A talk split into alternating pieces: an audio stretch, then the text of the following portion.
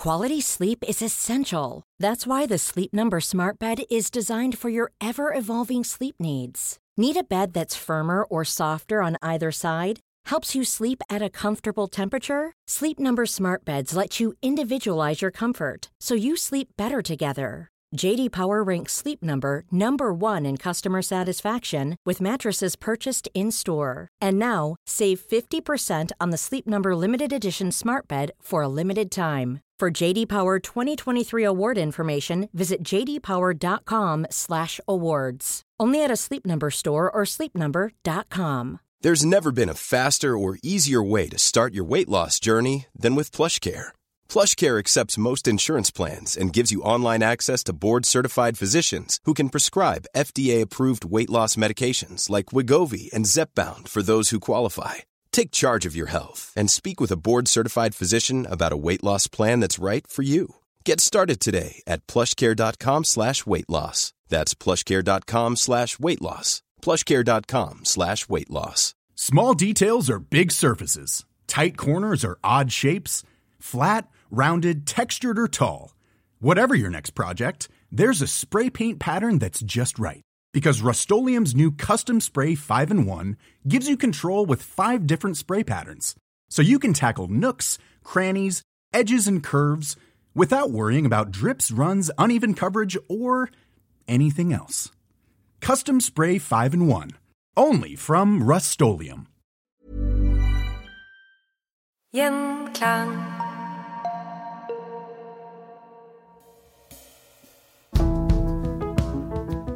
Velkommen til Historier som endret verden. En podkast hvor vi hver uke inviterer en ny ekspert til å fortelle oss om historiske hendelser og mennesker som har vært med på å forme verden. Dagens gjest er Jørn Holm Hansen, statsviter og seniorforsker ved Oslo OsloMet. Velkommen. Tusen takk. Du har vært med her eh, før og blant annet snakket om oligarker og Lech Wawesa. Ja, og Krimhalvøya. Og Krimhalvøya, det er sant. Det var veldig morsomt. Det var det. Det er en annen kjent person vi skal prate om i dag. Det er da Vladimir Putin. Ja. Uttaler Putin si eller Putin? Putin, sier jeg, men eh, man kan si hva man vil. For den 7. oktober 1952 så ble Vladimir Vladimirovitsj Putin født i det som da het Leningrad, Russland. Eh, hvordan var eh, oppveksten til lille Putin? Ja, om den oppveksten så vet vi stort sett bare det han selv har fortalt, og folk som står han nær og er lojale mot ham, har fortalt. Eh, en hovedkilde der er en veldig interessant bok som kom ut eh, helt på nyåret i år 2000, da Putin var eh, midlertidig president fordi den gamle presidenten, Boris Jeltsin, hadde gått av. Og Putin hadde da så vidt rukket å bli statsminister, etter grunnloven så skal han da ta over. Og så skulle det være valg i mars. Uh, og da var, var, det som følte, noen som følte et behov for at uh, folk skulle bli kjent med denne mannen, for han var litt sånn grå eminense før det. Han var ikke så veldig kjent, selv om han kort tid hadde vært statsminister og vært sjef for FSB, sikkerhetsapparatet, og også leder for Det nasjonale sikkerhetsrådet, men dette hadde skjedd så fort i løpet av noen få år at han var ikke så veldig kjent. Og da kom det ut en bok, uh, en intervjubok, tre journalister Eh, hadde seks møter med ham over noen få uker, og så skrev de en bok hvor han fortalte om seg selv. Og da fortalte han en del om barndommen. Uh, og det er selvfølgelig Hvis vi selv skulle stille til presidentvalg om et par måneder og skulle bli intervjuet, så ville vi nok kanskje tenkt gjennom hvordan vi framsto, også barndomstiden. Og det er interessant da at han eh, velger å framheve at han var en bølle. Han fikk ikke komme med i pionerorganisasjonen, som var en sånn uh, sovjetisk variant av speiderbevegelsen. Vi snakket mindre om Gud og kongler og sånn. Jeg snakket mye om Lenin og lignende, men det var i, i praksis en sånn barneorganisasjon, da. Der, der, men der måtte du oppføre deg litt ordentlig for å komme med. Han kom ikke med før han gikk i sjette klasse. Det liker han å fortelle om. Han likte, de bodde i, i ganske kummerlige kår i en såkalt kommunalka, eh, som er et sånn sovjetisk fenomen fra rett etter revolusjonen, som fortsatte helt opp nesten i våre dager. Det var store leiligheter i de store byene som ble ekspropriert etter eh, revolusjonen. Det var en enorm bolignød. Mm. Og så ble familier tildelt hvert sitt rom da, i disse store leilighetene som ofte hadde rom på rom på rom, og så hadde de et felles kjøkken og en felles uh, toalett i baktrappa, uh, gjerne. Uh, de bodde i en sånn. Eller som et kollektiv? Ja, det var Ja, du kan tenke deg et kollektiv med en familie på hvert rom. Eh, og det var relativt eh, trangt. Eh, litt stusslig, men det var jo noen å leke med, da. Og han lekte en del i bakgården. Den typen hus han bodde i, kaller de dom kolodiets, som betyr brønnhus. Og det er ut fra hvordan bakgården var. St. Petersburg var jo en veldig rik by. Så de hadde veldig høye hus, mye høyere bygårder enn det vi har i Oslo. Eh, og de, det førte til at bakgårdene ofte var veldig mørke og eh, føltes som å være på bånn av en brønn, da. Ah. Der lekte han. Eh, og da lik, likte han da å fortelle i denne boka om hvor, hvordan han, det var viktig for ham å sette seg i respekt. Og så forteller han at etter hvert, da, så Han var ikke så interessert i skolen de første årene. Men så skjønte han at han måtte skjerpe seg.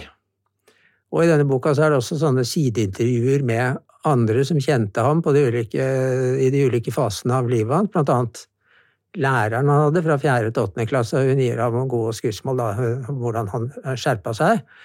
Satset på å lære det han skulle lære, og særlig tysk. Han valgte å lære tysk, og det var jo litt sånn prestisje å kunne fremmedspråk i Sovjetunionen. Det var ikke alle som kunne det, og det var liksom tegn på ambisjoner. Eh, og så skjønte han etter hvert at han måtte skjerpe seg på andre områder også. Han måtte gjøre noe som tvang ham til å være disiplinert, så han begynte med Først med boksing, og den første treninga så fikk han et slag i nesa som gjorde så vondt at han ga opp hele sporten. Og så etter hvert kom han inn i judo, Mm. og det snakker han mye om, for det er en fin sport for å lære disiplin, å lære respekt for motstanderen. Her er det ingen som er svake, her gjelder det å være høvisk og høflig, men smart og, og dyktig. Og så snakker han veldig mye om disse forskjellige trenerne og kampene han var med.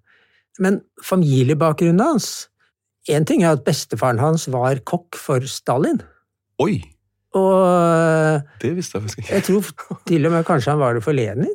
Og endte da, etter at han gikk av med pensjon, som jobbet han på et sånt uh, sted for uh, elitefolk da, på, på kjøkkenet som, som kokk. Og faren hans, han jobbet i de hemmelige tjenester, Ah. som Putin etter hvert skulle gjøre. Mm. NKVD het det da. KGB het det da Putin jobbet der, og FSB het det da Putin ble sjef for det hele en kort periode på slutten av 1990-tallet. Så han endte med å gå i sin fars fotspor? Ja, Han gikk i sin fars fotspor, og faren jobbet under krigen bak fiendens linjer i Estland. Eh, Ble tatt til fange fordi det var noen estiske bønder, ifølge Putin, som anga dem når de hadde vært der for å rekvirere mat som de måtte. Eh, Men han kom tilbake fra krigen litt skadd, eh, men fikk jobb på det verkstedet som lager metrovogner. Leningrad-metroen. Sinte- Mens moren hadde mer sånne strøjobber, var litt kantinedame og litt sånn forskjellig. Eh, Men disse to, herr og fru Putin, de hadde hatt barn før. Han hadde, kunne hatt to storebrødre. Den ene ble født på 30-tallet. Han døde da han var noen få måneder gammel. Og den andre ble født eh, sånn at han var veldig liten under krigen. Og krigen i Leningrad, dagens St. Petersburg, er en dramatisk Ja. historie. Som ikke kanskje er så framme i folks bevissthet, f.eks. i Norge. Det sier noe om hvor lite sånn myk makt Russland har.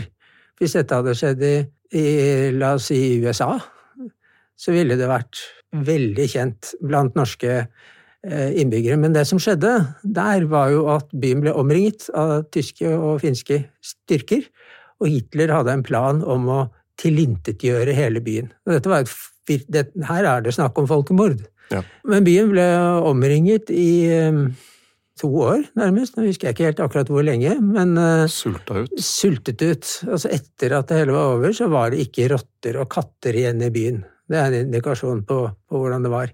Christ. Men de opprettet eh, noen barnehjem der for å i hvert fall redde barna. Og der ble det som kunne ha vært storebroren til Putin, plassert, men der døde han av difteri.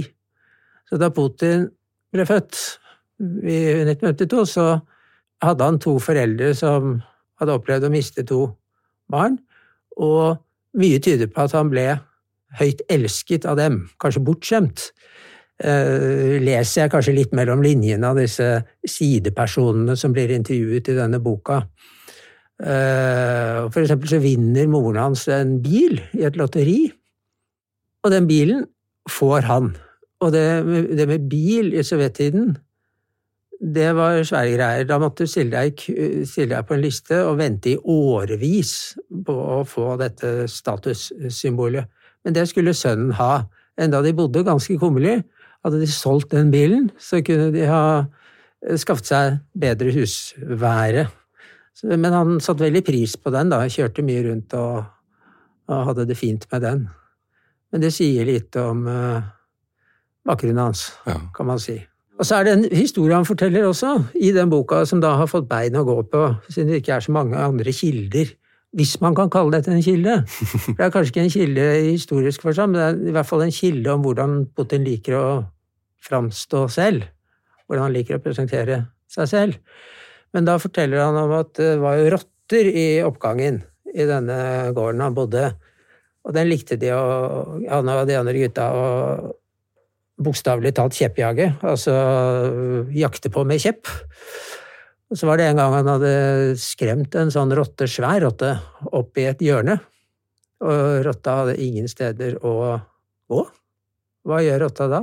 Jo, han går til frontalangrep på lille Volodya, Vladimir Putin. Og løper etter han, og Putin løper og smekker døra eh, rett foran nesa på denne rotta. Og dette har vært psykologisert mye rundt, da. Nesten alle bøker om Putin. Jeg har lest noen av dem, en del, ganske mange av dem. Uh, har med den historien, og så prøver man å psykologisere rundt det. Hva skjer hvis man trenger Putin oppi et hjørne? Jo, da vil han gå til frontalangrep. Da kan man liksom trekke flere konklusjoner av det. Man bør kanskje unngå å trekke han, dytte han opp i et hjørne. Eller man må være forberedt på eh, beinhard kamp hvis man gjør det. Men en annen lærdom kan jo være å prøve å sette seg inn i når er det han selv mener at han er trengt opp i et hjørne. Og det er kanskje der jeg og mange andre misforsto situasjonen før 24. februar 2022, hvor vi ut fra mer sånne rasjonelle betraktninger tenkte at eh, det som skjedde med i Ukraina og i omgivelsene rundt Russland, var ikke at Russland eller Putin var trengt opp i et hjørne, men han så det kanskje sånn selv. Mm.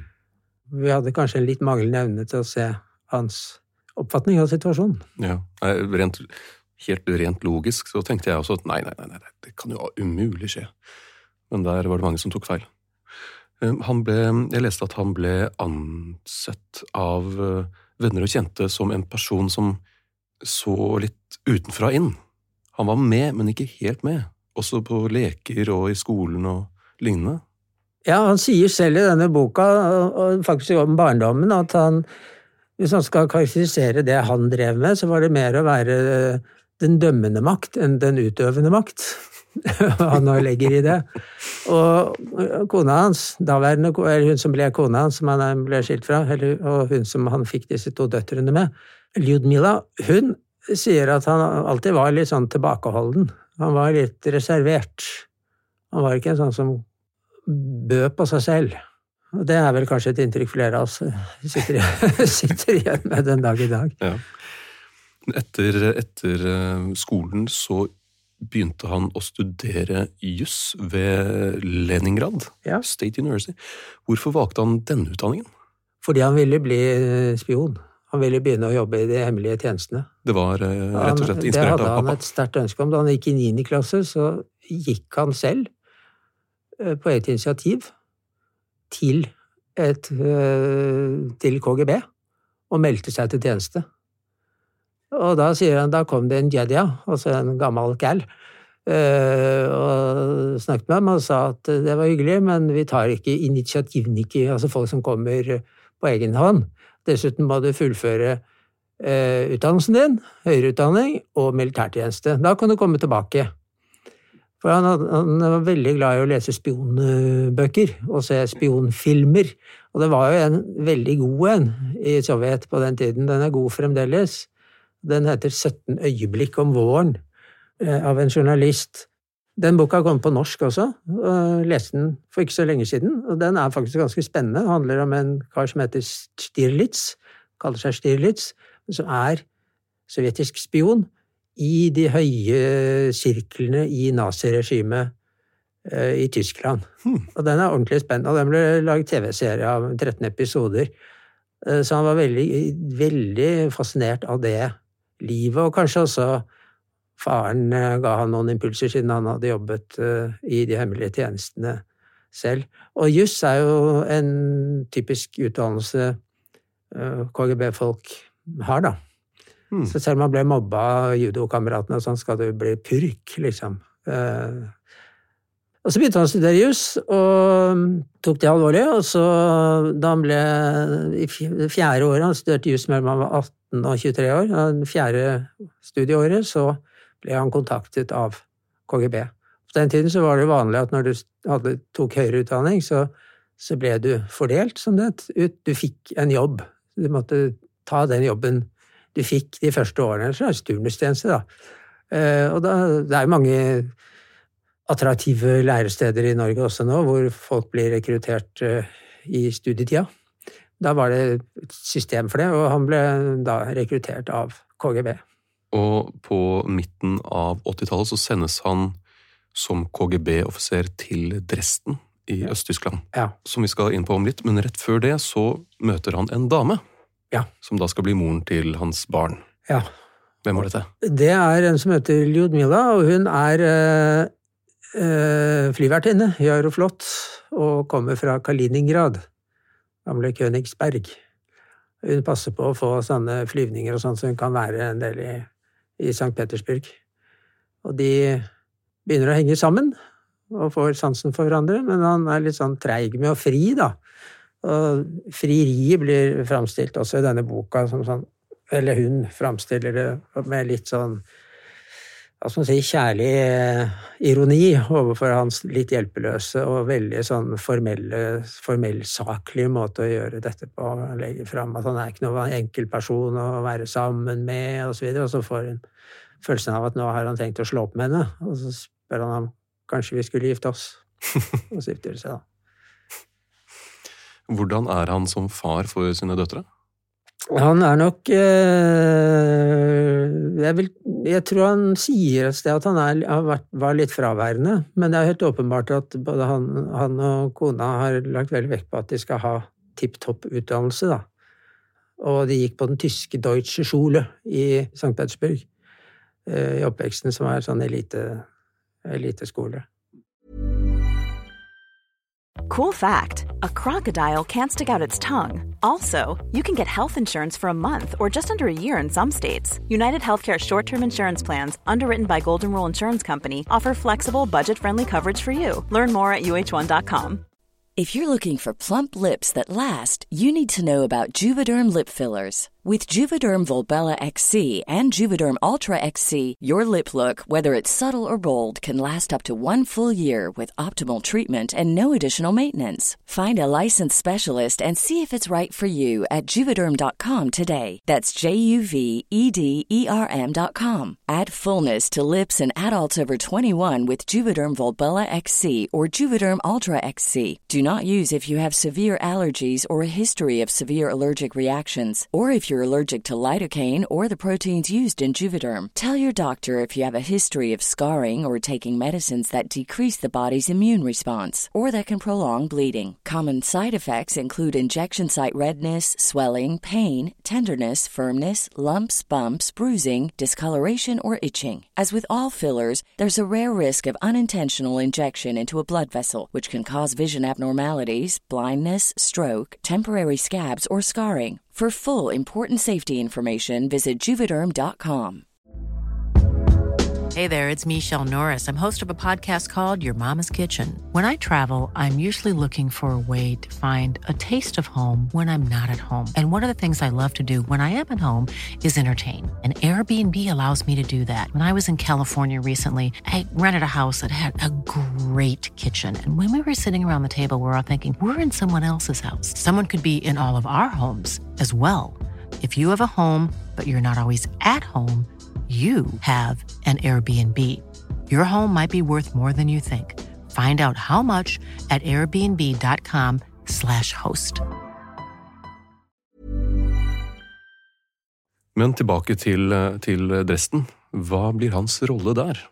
Ja, kan kanskje si litt uh, om uh, Det er en sånn morsom historie også fra hans første, som han liker å fortelle selv, da, om sitt første møte med KGB da han var ny, ung og nyutdannet. Og så skal de gjøre et eller annet, og så sier, sier han til sjefen at men dette er jo ikke i henhold til loven. Og så sier sjefen loven? Vi har jo instrukser. Men uh, igjen, altså, det er hans uh, måte å fortelle om sitt forhold til KGB på i ettertid, når KGB er oppløst. Uh, men han får også spørsmål av disse journalistene i denne boka som jeg hele tiden viser til. Og, men tenkte du ikke på Stalin-tiden og undertrykkelsen og terroren som de hemmelige tjenestene sto bak i den tiden? Ikke sant? Det var jo hundretusener av mennesker som millioner som ble sendt i leir og, ble drept og ble bare borte. Og det var et skrekkregime uten like fra 1937 av og en del år framover, egentlig helt til Stalin døde. Nei, det hadde han ikke tenkt på.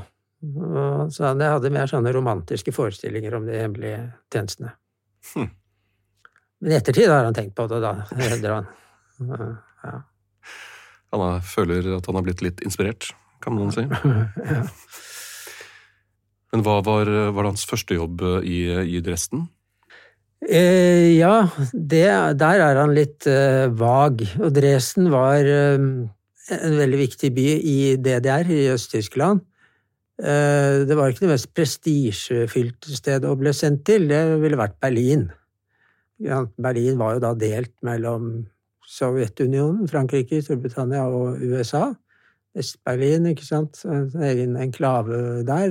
Var, der var det høyt politisk spill og masse fokus på det, men Dresden øh, sannsynligvis øh, var litt mindre i fokus og mindre prestisjefylt. Men det var en ganske viktig by, hevder øh, noen, mange egentlig, som kjenner til dette, fordi at det var hovedsetet for utviklingen av østtysk datateknologi.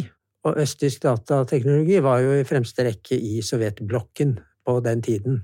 Og på den tiden så var det også sanksjoner mot Moskva. Kåkom-reglene, som det het, som eh, besto i at vestlige land ikke skulle eksportere ting, komponenter, teknologi, som kunne brukes i sovjetiske, sovjetiske militære formål. Og sannsynligvis foregikk det en del sånn eh, unngåelser av de reglene med utgangspunkt i disse miljøene i Dresden.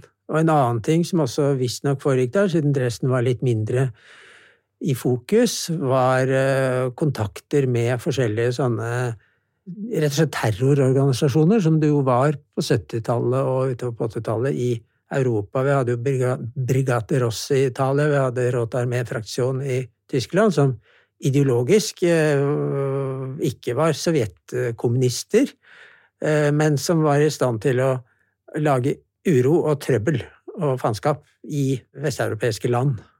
Det har jo kommet fram at Sovjetunionen hadde kontakt med dem og delvis finansierte deler av virksomheten og sånn.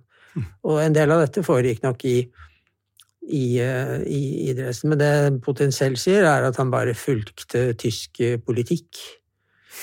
Eh, østerriksk politikk og, og så videre. Leste avisen? Jeg satt og leste avisen, mm. ja. Det var jo ikke så mye informasjon i Neues Deutschland, da, som var partiavisen i DDR. Men... men det, jo, det skjer jo noe rimelig betydelig mens han er der. Ja, og det, i den grad han fulgte tysk politikk, det må, må han jo ha gjort enten direkte som en del av jobben, eller indirekte, så jo det, var jo det en studie i hvordan et uh, regime gradvis uh, kollapser. Og det samme foregikk jo hjemme enda raskere i Sovjetunionen, fordi der hadde du jo fått uh, Mikhail Gorbatsjov som generalsekretær i kommunistpartiet i 1985 som uh, førte til at de satte i gang en uh, ganske omfattende liberalisering av regimet med glasnost, som de kalte det, altså gjennomsiktighet, åpenhet. Ting som tidligere ikke skulle snakkes om, kunne man snakke om. Bøker som tidligere var forbudt, ble tillatt.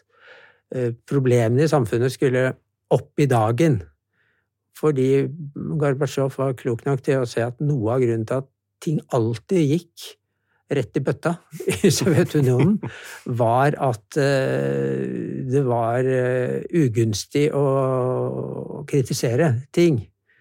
Sånn at uh, kritikken kom først etter at katastrofen hadde skjedd. Det vil man ha en slutt på. Men dette førte jo til en akselererende utvikling i retning av demokrati i i, i, i Sovjetunionen. Og DDR var et land som ikke gjorde det. Der holdt man jo igjen, nesten helt til siste stund. Men veldig mange der i DDR, innbyggerne, fulgte jo nøye med på hva som skjedde i Sovjetunionen, og var eh, ble mer modige da, i å arrangere debattmøter og, og den typen eh, ting. Hva syntes Putin om, Putin om om glasnost? Det er ikke godt å si hva han syntes om da det, da det, foregikk. For i ettertid så sier han at dette var en riktig utvikling, og Russland må jo bli et demokrati, og han er jo en veldig ivrig antikommunist. Han tar jo avstand fra den kommunistiske fortiden, eh, bortsett fra alt som var vellykket, da, eller alt som gjorde Russland sterkt, eller Moskva sterkt. Han cherrypicker ganske greit. Ja, sånn at Stalin var jo en katastrofe av undertrykkelsen og terroren og sånn. Eh, det har han jo vært veldig opptatt av, men samtidig så var han hadde han en god side, og det var at han vant krigen, så å si egenhendig, sammen med det russiske folk. Eh, ikke sant? Eh, sånn som han ser det. Sånn at det er en sånn, sånn blanding der. Så hele greia med KGB har jo vært å, mm, hindre, å sikre stabilitet og hindre oppløsning og angrep utenfra. Ha kontroll. Sånn at jeg vil nok tro at han var veldig skeptisk til eh, mens det pågikk, til eh, det man sannsynligvis så som en oppløsning av, eh, av regimets kontroll over systemet. For det er jo ikke bare Berlinmuren som faller. Sovjetunionen eh, ja, faller jo, blir jo delt opp og, og, løst opp. Hva skjer med Vladimir da? Han var i DDR i fem år og rakk å legge på seg tolv kilo, som han sier. Han var så glad i ølet. Han fikk jo til og med en rasjon, rasjon på nesten fire liter i uka, og de dro ut til Radeberg, som er sånn der hvor Radeberger bryggeriene ligger. Men han kom, kom tilbake da, i 1990 og sa opp jobben i KGB. Eh, men han fikk ikke Den ble ikke godkjent før året etter. Oppsigelsen ble ikke godkjent? Nei, den ble ikke godkjent. Eh, men den ble etter hvert godkjent, og sannsynligvis var man veldig glad i KGB når folk frivillig sa opp stillingen, fordi at de måtte jo kutte ned på De hadde vært store, og nå måtte de bli mindre, i hvert fall for en periode. Eh, og da fikk han en jobb, skikkelig sånn eh, lavstatusjobb, eh, på en måte, som leder for internasjonal avdeling på, på St. Petersburg, eller Leningrad het det fram til 1991, statsuniversitet. Og det var en typisk sånn KGB-avdeling. Nå har de gjeninnført i Russland. FSB har sånn kontorer på universitetene som skal holde orden på Følge med på hva utenlandsstudentene gjør, og hva slags kontakter det er mellom eh, russiske studenter og, utlendinger. Hmm. Den jobben hadde han en kort periode. Og så ble han uh, headhunta av uh, Anatoly Sobchak, som var praksis borgermester i, i Petersburg, leder for by, Sovjetet, byrådet. Og han var en anerkjent professor i juss fra Leningrad-universitetet. Og ble regnet som en sånn uh, veldig liberal og demokratisk uh, lederskikkelse i det postsovjetiske Russland i disse årene, altså utover på 1990-tallet. Seinere så har det kommet beskyldninger om, at han egentlig jobbet for KGB osv., men han var en sånn reformator og en tydelig skikkelse for i retning av uh, mer demokrati og mer markedsøkonomi. Og da fikk Putin eh, tilbud om å bli viseborgermester med ansvar for de internasjonale forbindelsene. Hvordan går man fra en KGB-agent i Dresden til, til viseborgermester? Ja, han utmerket seg jo ved å være ganske dyktig. Eh, hadde tilegnet seg sånne tyske arbeids, eh, arbeidsetikk så han var litt mer sånn iuga på jobben enn det mange, mange, andre i Russland var på den tiden.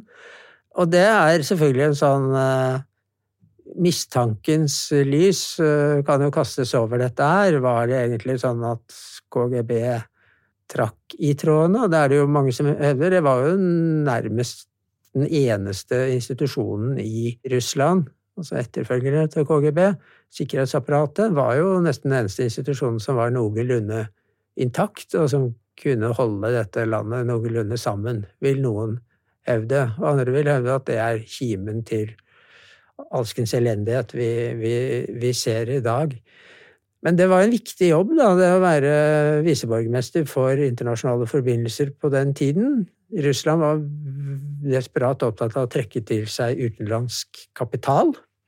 Og de var også nødt til å trekke til seg utenlandsk nødhjelp. 1990-tallet i Russland var ille. Jeg var mye der da, og det var trist. Det hadde vært trist i sovjettiden òg, det var stagnasjon og grått, men nå var det direkte desperat fattigdom. Man kunne gå hjem og midt på natta om kvelden og gå i sånne fotgjengerunderganger under disse svære, breie gatene, og der liksom tolv om natta så sto det små barn og spilte fiolin med en hatt eller en kasse hvor du kunne legge penger, mens bestemor sto litt bortenfor og solgte vodka og pølse. Og det var barn som spilte fiolin veldig bra. Og folk satt og solgte gamle familieklenodier på, på gata. Og jeg har sett det i Petersburg, men i Murmansk folk som satt og solgte sånn badekarpropper og sånne yes. rester i, i, 20 grader minus. Så det var, det var fattig. Så dette med nødhjelp var nødvendig. Og Putin fikk eh, organisert nødhjelp fra Tyskland, Frankrike, USA eh, til St. Petersburg. Særlig den sånn, vinteren 1992 var det ekstra, ekstra ille. Men det var ikke bare det. Han fikk også til at Skjelett, Coca-Cola og Wrigley's, kjente merker, eh, bygget fabrikker i Petersburg. Eh, han sørget for at de første utenlandske bankfilialene i Russland etter Sovjetunions kollaps ble lagt til St. Petersburg. Og det var Bank National de Paris og Dresdner Bank. Dresdner Bank var kanskje ikke tilfeldig, men han brukte kontaktene sine og evnene sine til å få til sånne ting, da. Og kunne, dette, kunne den der jobben ganske bra, vil jeg si. Så han imponerte litt, da. Hadde han politiske ambisjoner allerede da? Eller var det mer Det tror jeg kanskje ikke han hadde. Eh, jeg tror han først og fremst på det tidspunktet så på seg selv som en, eh, en sånn effektiv eh, tjenestemann, administrator og byråkrat, men av den effektive Får ting gjort. eh, sorten, få ting gjort, og få modernisert Russland. Og jeg vil nok hevde at på, på den tida så var han sant, Putin er en Som alle mennesker så endrer man jo synspunkt på ting, eller vektlegger ting litt ulikt i ulike perioder. Litt ut fra hva man observerer rundt seg. Og på den tida var han, som han har vært hele tiden, veldig opptatt av én ting, og det er at Russland skal være sterkt.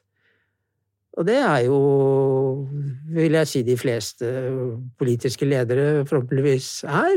Våre statsministre bør være opptatt av at Norge er sterkt og effektivt og intakt.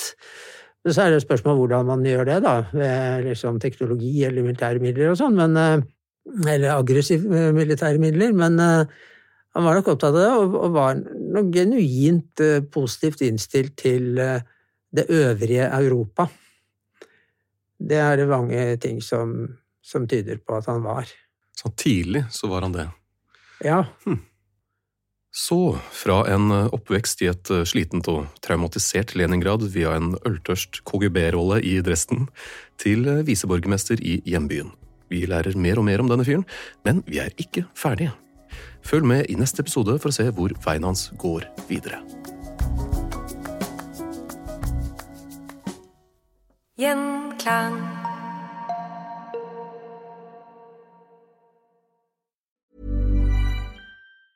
Mom deserves the best, and there's no better place to shop for Mother's Day than Whole Foods Market. They're your destination for unbeatable savings, from premium gifts to show-stopping flowers and irresistible desserts. Start by saving 33% with Prime on all body care and candles. Then get a 15-stem bunch of tulips for just $9.99 each with Prime. Round out Mom's menu with festive rosé, irresistible berry chantilly cake, and more special treats. Come celebrate Mother's Day at Whole Foods Market.